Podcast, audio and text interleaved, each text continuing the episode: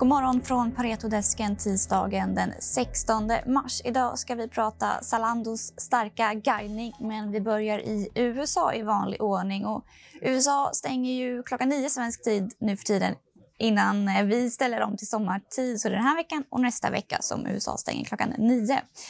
Och igår så var det ganska sega börser i USA. Igår öppnade ungefär kring nollan och vid stängning såg det ut så här. S&P 500 stängde på plus 0,6 Nasdaq plus 1,1 och Dow på plus 0,5.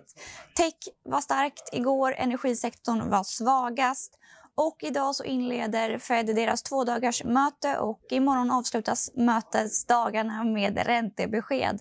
Räntan förväntas ju lämna oss oförändrad men i och med att vi haft eh, inflationsoro som präglat marknaden de senaste veckorna så blir det såklart intressant att höra vad de säger om inflationen och vad de har för ränteprognoser.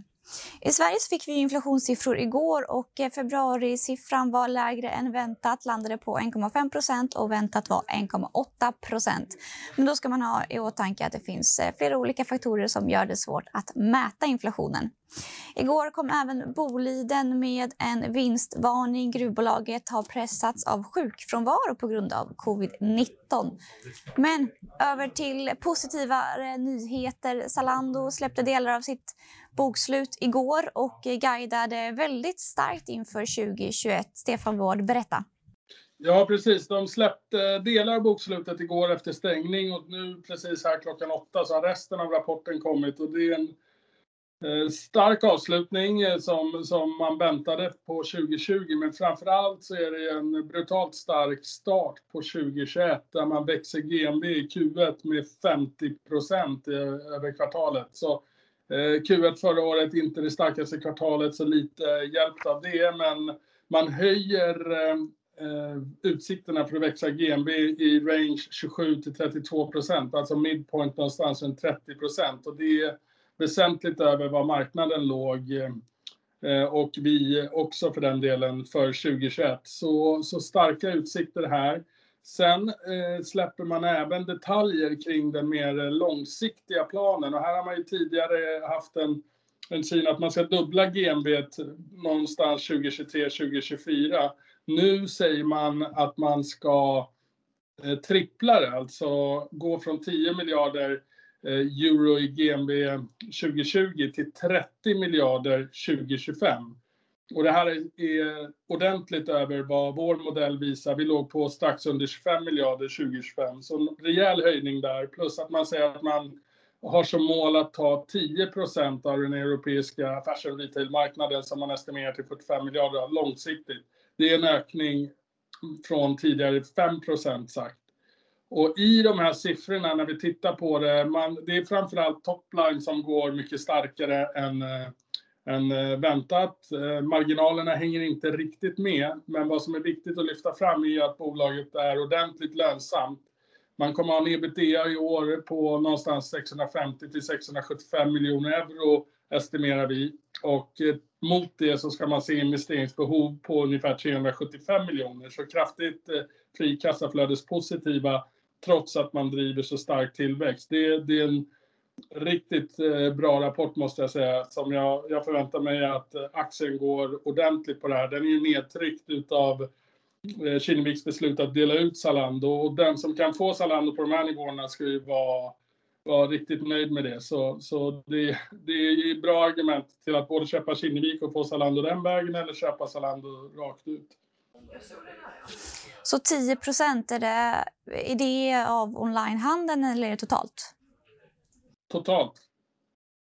Så, okay. så de kommer vara en ordentlig spelare i europeisk fashion retail om, om några år. De är ju det egentligen redan idag, men inom online så har de ju en väsentligt högre andel eh, och de driver mycket av den utvecklingen skulle vi säga. Men 10 procent är av totala marknaden som de estimerar till ungefär 450 miljarder euro.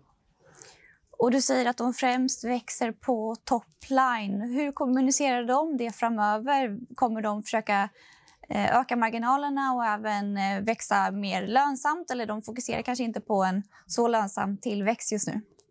Exakt, det är så jag tolkar det. Att man prioriterar ju att ta in så mycket kunder och växa topline eh, så mycket som möjligt, vilket är helt rätt. Men man gör det ju på bekostnad av maximal marginal. Man gör det inte på bekostnad, alltså man går ju inte till olönsamhet, men man fokuserar inte på att få så bra marginal som möjligt i det korta perspektivet.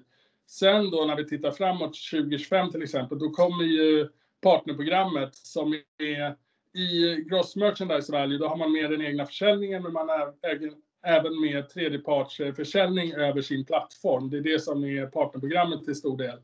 Ehm, och idag är partnerprogrammet någonstans 23-24 procent eh, utav eh, GMB, resten är Zalandos egen försäljning. När man kommer fram där mot eh, 2025, nu så kommer ju det vara över hälften skulle jag tippa på.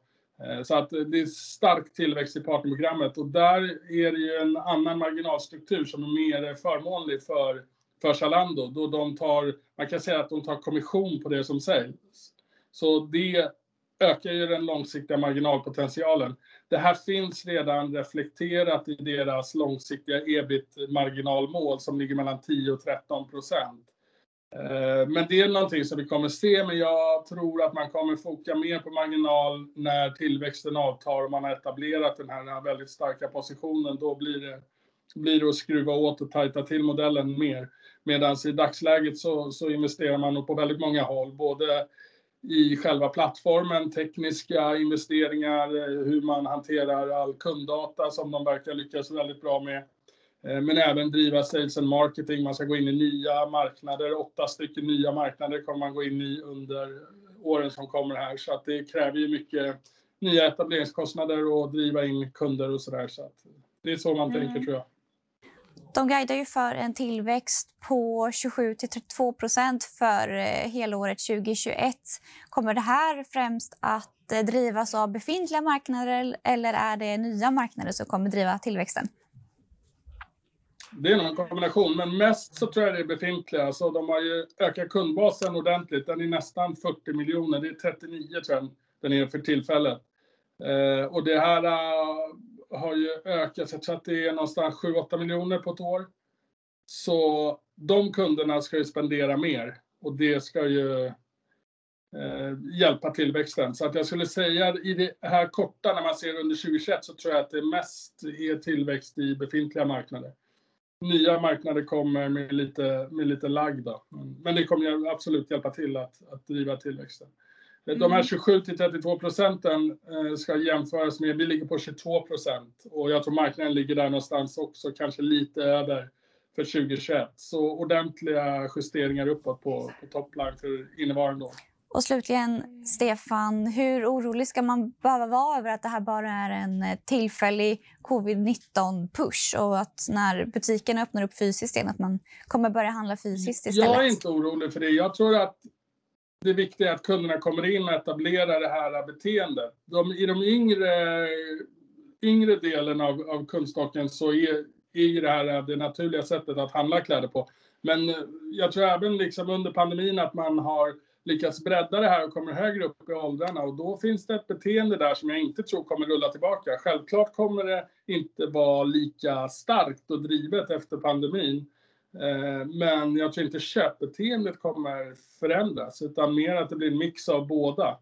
Eh, så att man får ju hjälp av en skjuts av pandemin, som jag ser på det lite grann. Jag tror att 2021 kommer bli, det, det ser vi ju redan nu, att det kommer bli kraftigt bättre, starkare än vad marknaden trodde.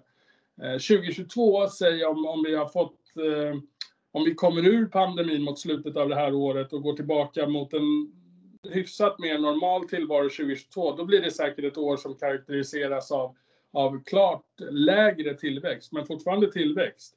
Och här behöver man ju liksom tänka lite eh, långsiktigt och se vad, vad, hur ser den här tillväxten ut på tre, fyra års sikt och kanske ha ett genomsnitt av det. För att det kommer ju liksom under pandemi, inflaterat, absolut. Efter pandemi, rullar tillbaka lite grann. Men det är inte så att det, det går ner till något negativt, utan säg att om tillväxten ligger på 30 procent nu, kanske är högra, höga 17-18 procent eh, 2022. Alltså klart lägre, men, men fortfarande helt okej. Okay. Tack så mycket, Stefan. Och tack så mycket för att ni har lyssnat den här tisdagen. Jag vill passa på att eh, plagga för att alla Pareto-kunder kan anmäla sig till vår bondkonferens som vi har på torsdag. Nordens största high yield bondkonferens. Och eh, cirka 80 bolag kommer presenteras. Så det kommer finnas någonting för alla. Så där kan ni gå in och anmäla er under event. Och med det sagt, ha en bra vecka.